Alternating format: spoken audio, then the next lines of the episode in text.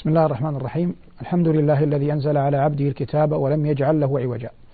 وأشهد أن لا إله إلا الله وحده لا شريك له خلق فسوى وقدر فهدى وأخرج المرعى فجعله غثاء أحوى. وأشهد أن سيدنا ونبينا محمدا عبده ورسوله صلى الله عليه وعلى آله وأصحابه وعلى سائر من اقتفى أثره واتبع منهجه بإحسان إلى يوم الدين. أما بعد أيها الإخوة المؤمنون والأخوات المؤمنات السلام عليكم ورحمة الله وبركاته. وموضوع هذا اللقاء أشبه بالشمولية. قد يكون منفكا قليلا عن اللقاءات التي سلفت وعنوانه بلاغة القرآن. وقبل الشروع في التطبيق العملي لذكر آيات يظهر فيها بجلاء بلاغة القرآن وإن كانت بلاغة القرآن تظهر فيه كله أدركنا ذلك أو لم ندرك نقول إن الله جل وعلا أيد نبيه صلى الله عليه وسلم بهذا القرآن العظيم ليكون معجزته الخالدة الباقية إلى أن يأذن الله بقيام الساعة. وهذا القرآن س يعني يرفع في ليلة كما أخبر النبي صلى الله عليه وسلم. والنبي عليه الصلاة والسلام بعث في أمة عربية فصيحة اللسان بيانها ولسانها وفصاحتها وبلاغها وبلاغتها أعظم ما تعتد به شعرا ونثرا. وكانت ذا سبق كبير في هذا الباب. وكانت هذه الأمة أي أمة العرب لها أسواقها ولها مواطن تجتمع فيها يجتمع فيها شعراؤها وخطباؤها وكل يدلي بدلوه مما زاد من هذا الأمر عندهم حتى أصبحوا أمة موصوفة على بفصاحة بلاغتهم وبلاغة فصاحتهم وقدراتهم البيانية وهذا أمر لا نظن أننا نحتاج إلى أن نطنب فيه كثيرا لأنه واضح وضوح الشمس. ومن هنا عرف التاريخ العربي في تراثنا العربي القديم سواء في الجاهلية أو في صدر الإسلام آه، قوما كثيرين ممن عرفوا بالفصاحة والبيان كالشعراء الجاهليين المشهورين عنترة ولبيد بن ربيعة وإمرئ القيس وغير وأمرؤ القيس وغيرهم أو كمن وجد ممن أدرك الجاهلية والإسلام كحسان وزهير و كعب بن زهير وغيرهما من أهل الفصاحة والبلاغة والبيان. في هذا الخضم بعث النبي صلى الله عليه وسلم وبعث وجعلت معجزته الخالدة هذا القرآن العظيم. ومع ما كان عليه العرب وهذا هو قمة التحدي ما كان عليه العرب من الفصاحة والبلاغة إلا أن الله تحدى العرب أن يأتوا بمثل هذا القرآن. تحداهم أن يأتوا مثله أن يأتوا بعشر صور أن يأتوا بآية. وهذا كله من أعظم الدلائل على إعجاز القرآن. والقرآن معجز حسا ومعنى. معجز في لفظه ومعجز في معناه. والله جل وعلا عنه قال مرفوعة مطهرة. ولهذا قال بعض العلماء لا يستحسن ولا ينبغي أن يوضع القرآن على الأرض وإنما يرفع في مكان عال حتى يجتمع حق الآية حسا ومعنى لأن الله يقول مرفوع في صحف مكرمة مرفوعة مطهرة. الذي يعنينا هنا هذا القرآن حوى من ألفاظ البلاغة وطرائق البيان ما يقصر عنه مداد كل أحد. وأنبه هنا إلى مسألة مهمة يقولها الكثير من الخطباء أو المتكلمون أو ممن يتصدرون للمنابر الاحتفالية وهو أنه يقول بعضهم في مدح أحد مثلا أو في مدح موقف أو في ذكر مناسبة يقول الكلمات تعجز أو يقول الألفاظ لا تساعدني أو يقول الكلم أقصر من أن يبين لي أن يبين شعوري لك أو فرحنا أو مدحك أو الثناء عليك. يخاطب من يخاطب من الناس. وهذا كله غير صحيح. لماذا غير صحيح؟ إذا كانت أحرف اللغة العربية تضمنت كلام الله جل وعلا وبها عرف الناس مراد الله فمن باب أولى أن تسعى غيره. قال شو قال حافظ رحمه الله عن هذه اللغة المجيدة وسعت كتاب الله لفظا وآية ولم وسعت كتاب الله لفظا وغاية. هذا موضع الشاهد. ولم أضق عن آي به وعظاتي. فإذا كانت اللغة وسعت كتاب الله فمن باب أولى أن تسع أي شيء غيره. نعود لما نحن فيه. بلاغة القرآن نبتعد عن التنظير. ونزدلف مباشرة إلى بعض الآيات التي تبين عظيم البلاغة في القرآن. أحيانا التقديم والتأخير أحيانا مناسبة اللفظ للمعنى أحيانا اللفظ نفسه وما يكنه وراءه من معان عظيمة. ولنبدأ في التقديم والتأخير أولا. فمثلا قال الله جل وعلا عن أولي العزم من الرسل. وأولي العزم من الرسل خمسة.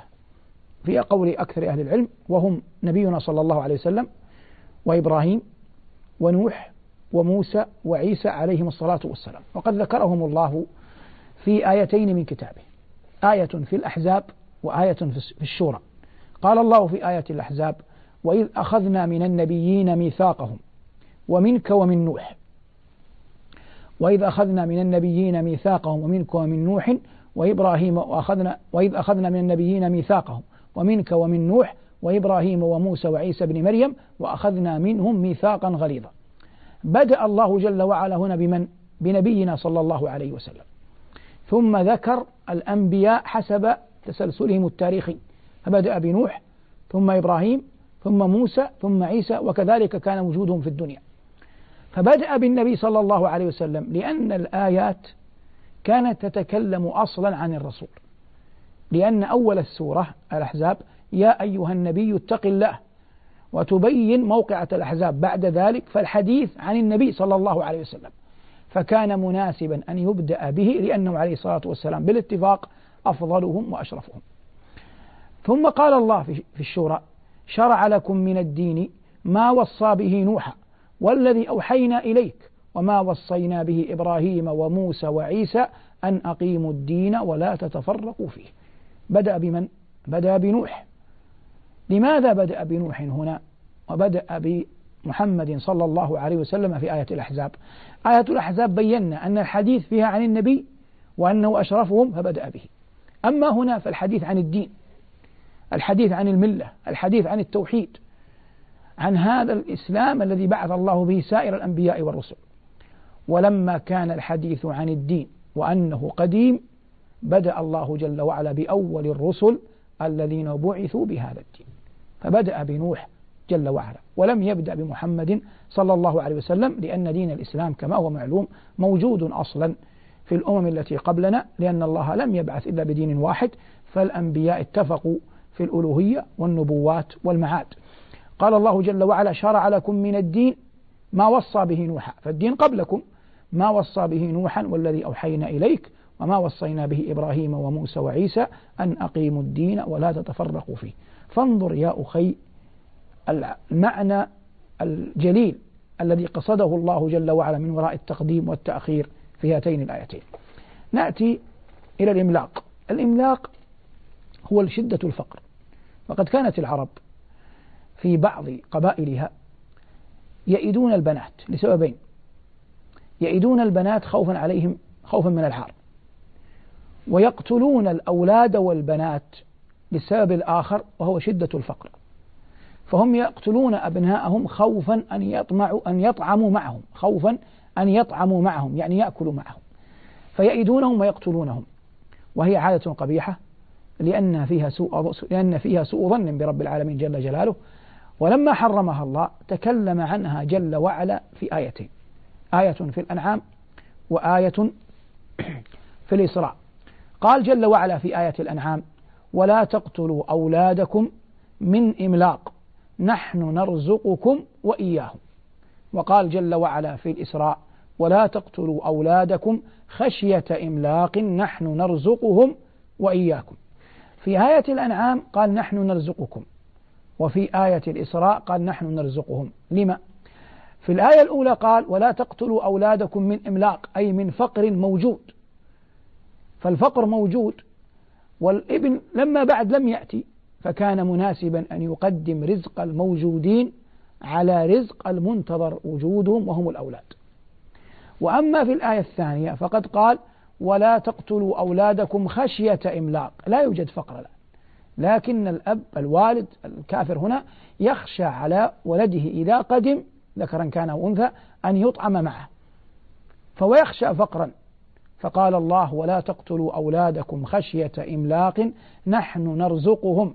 فقدم الأولاد لأنهم الذين يخاف أن لا يرزقون. وقال ولا تقتلوا أولادكم خشية إملاق نحن نرزقهم وإياكم. أي وإن رزق حتى وإن رزقناهم فإنا لا ننساكم. فالله قادر على أن يرزق المولود المنتظر الذي يخشى أن يصيبه الفقر مع الوالد الذي ما زال في بحبوحة من العيش نسبية وكلا وكلا الطرفين لا رازق له إلا الله. فهذا من التقديم والتأخير في الكتاب العظيم. كذلك ربما يندرج تحت التأخير والتقديم قول الله جل وعلا لما ذكر في آية المواريث ذكر الوصية والدين وعلم المواريث من أجل العلوم. وقد كان للصحابة رضي الله عنهم فيه قصب سبق عظيم. الذي يعنينا أن الله ذكر في المواريث الوصية والدين. وبالاتفاق أن مال الميت التركة حق الدين مقدم على حق الوصية. فلو فرضنا أن رجلا ترك ألف ريال وعليه دين ألف ريال وأوصى بوصايا معينة فلا ريب أنه يقضى دينه ولو استنفد الدين المال وتترك الوصية. وإذا ترك مالا يستوعب الاثنين نبدأ بماذا؟ نبدأ بالدين. هذا كله لا أظن فيه خلافا فقهيا. لكن الله قال من بعد وصية يوصي بها أي الميت أو دين. وقال عن المرأة إذا ماتت من بعد وصية يوصين بها أو دين. ففي كلا الحالتين قدم جل ذكره الوصية على الدين. وقد اتفقنا على أن الدين مقدم على الوصية. فلما قدم الله الوصية على الدين؟ قال أهل العلم رحمهم الله قدم الله الوصية على الدين فيما يظهر. الوصية تجد من يطالب لا تجد من يطالب بها بخلاف الدين. بمعنى لو أن إنسانا ترك مثلا مئة ألف وعليه دين ثلاثون ألفا وأوصى بعشرة آلاف للفقراء فلا ريب أن صاحب الدين المقرض الأول سيأتي يبحث عن دينه. في باعث إذا علم أن خصمه مات توفي وأن هناك تركة سيأتي يطالب بدينه. لكن أولئك الفقراء المساكين في الغالب لا يدرون عن الوصية حتى يأتون فيطالبون بها. وربما لا يعلمون أن فلانا مات وأوصى. وربما القائم على الوصية أخفاها. ربما الأبناء لم يقرؤوها لم يعلموا أحدا بها. فلهذا قدم الله الوصية على الدين لأن الدين يوجد من يطالب به. بخلاف الوصية في الغالب ربما لا يوجد من يطالب بها. فنبه الله الورثة إلى عظيم الأمر. وأنه كون الوصية لا تجد من يطالب بها لا يعني إغفالها ولا يعني تركها. أما الدين أخره الله لأن غالب الأمر أن صاحب الدين يأتي ويطالب بدينه وليس التأخير هنا دافع للترك وعدم تسديد الديون. تقديم الأولى وتأخير ما حقه التأخير وهذا من أعظم أسباب وبلاغة القرآن. كذلك نأتي لترتيب الألفاظ في الجمع.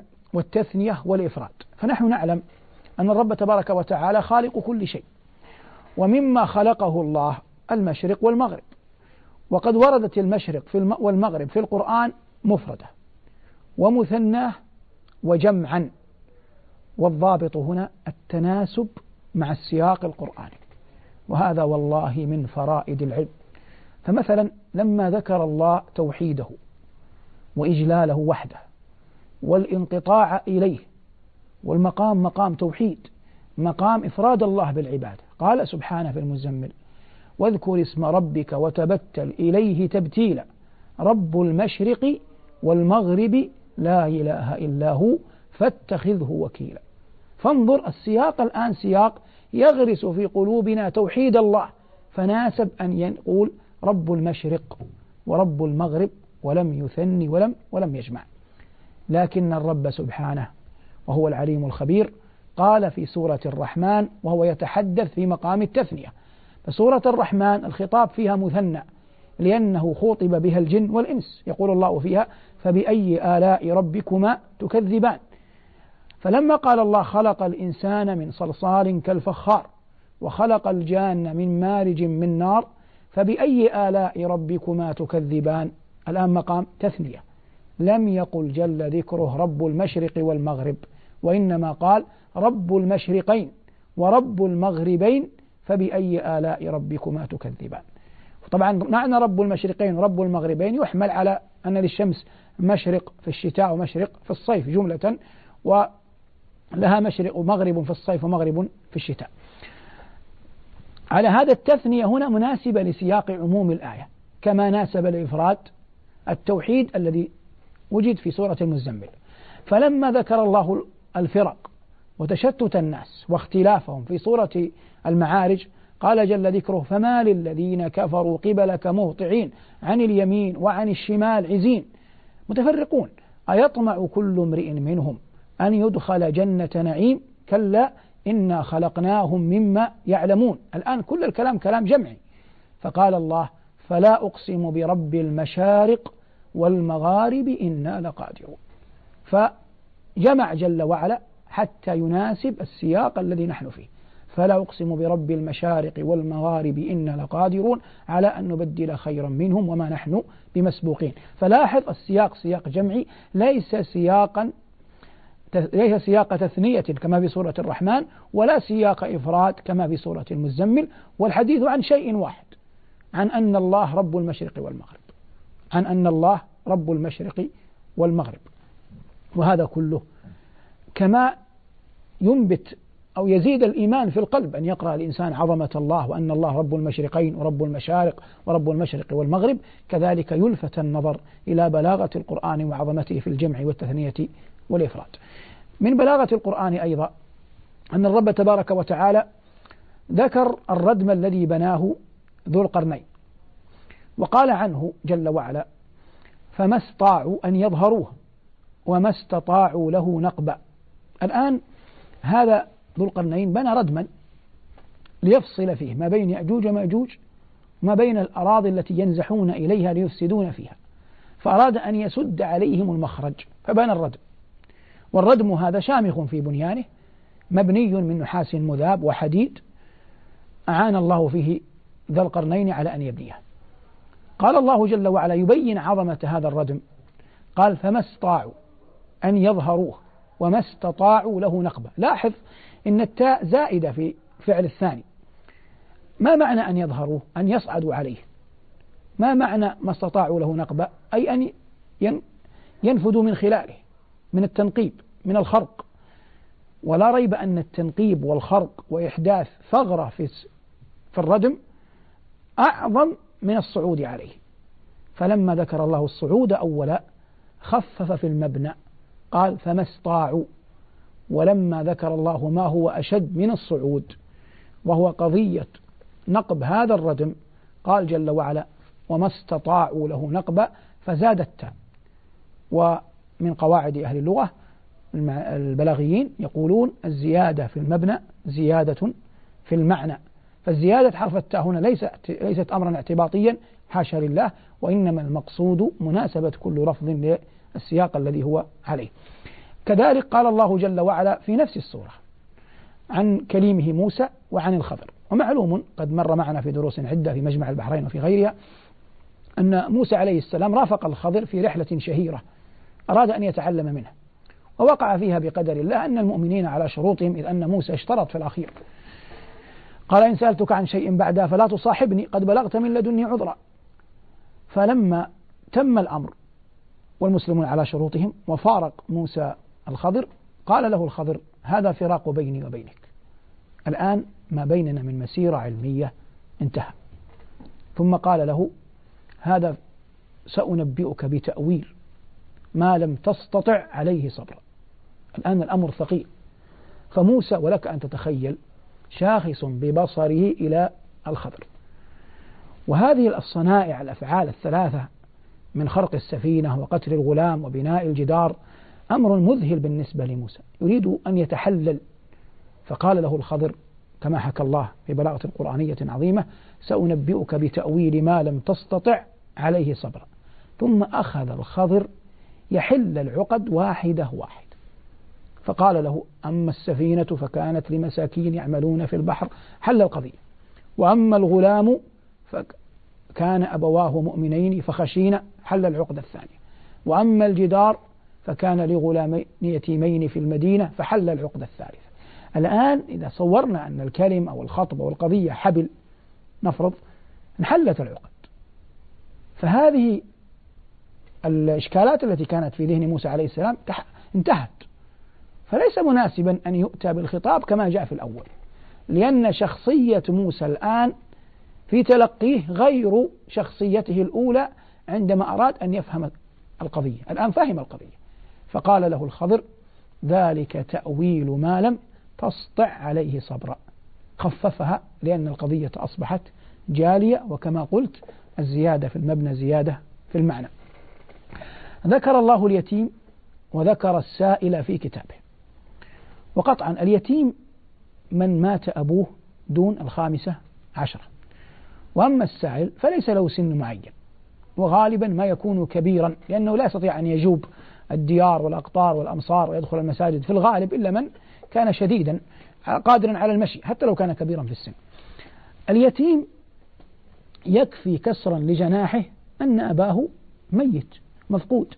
أما السائل فقد يكون لديه أبواه موجود قد يكون أبواه موجودين وقد يكون متعاف في بدنه وقد يكون غير ذلك قد يكون جبارا قد يكون ذا بطش وإن كان سائلا وأنت تلحظ هذا يعني قد يقع هذا. فالذي في الفقير في, في السائل ذل الفقر فقط. أما في اليتيم قد يكون غنيا لكن الذي فيه ذل عدم النصير هو عدم وجود الأب الذي يدافع عنه. فلما ذكر الله هذين في كتابه فرق بينهما في الخطاب. قال جل جلاله فأما اليتيم فلا تقهر والقهر يكون بأذى القول وأذى الفعل. القهر يكون بأذى القول وأذى الفعل. أما السائل فقد قال عنه سبحانه وأما السائل فلا تنهر والنهر لا يكون إلا باللسان. تقول نهرت فلانا بمعنى بلسانك ولا يكون بالفعل. لأنه في غالب الأمر أنت لا تستطيع أن تضرب السائل. ربما ضربك ربما انتصر لنفسه ربما غلبك ربما كان أقوى منك بدنا ربما هشم سيارتك أو غير ذلك. لكن اليتيم منكسر. فقال الله فأما اليتيم فلا تقهر لا بأذى قول ولا بأذى فعل. وأما السائل فلا تنهر بأذى القول لأن أذى الفعل قد يكون أصلا محال أن تصل إليه أيها المخاطب. وفائدة ذكر اليتيم هنا وذكر السائل كذلك من بلاغة القرآن أن الله قال قبلها ألم يجدك يتيما؟ فآوى. فلما ذكر النبي بفقره ذكره باليتامى غيره. لما ذكره باليتم ذكره بغيره من اليتامى. وقال له وجدك عائلا فأغنى أي فقيرا. فلما ذكره بفقره ذكره بالفقراء غيره. فانظر كيف يربي الله نبيه صلى الله عليه وسلم وقد قال صلوات الله وسلامه عليه أدبني ربي فأحسن تأديبي فاللهم لك الحمد على أن جعلت هذا الصفوة المختار حظنا من النبيين وجعلتنا حظه من الأمم وجعلتنا من عبادك. نسأل الله أن يجعلنا وإياكم من عباده الصالحين ومما زادني شرفا وتيها وكدت بأخمصي أطأ الثريا دخولي تحت قولك يا عبادي وأن صيرت أحمد لي نبيا. رزقني الله وإياكم العلم النافع والعمل الصالح. هذا والله المستعان وعليه البلاغ وصلى الله على محمد وعلى آله والحمد لله رب العالمين. والسلام عليكم ورحمة الله وبركاته. الله نزل أحسن الحديث كتابا متشابها مثانية تقشعر منه جلود الذين يخشون ربهم. ثم تلين جلودهم وقلوبهم إلى ذكر الله. ذلك هدى الله يهدي به من يشاء. ومن يضلل الله فما له من هاد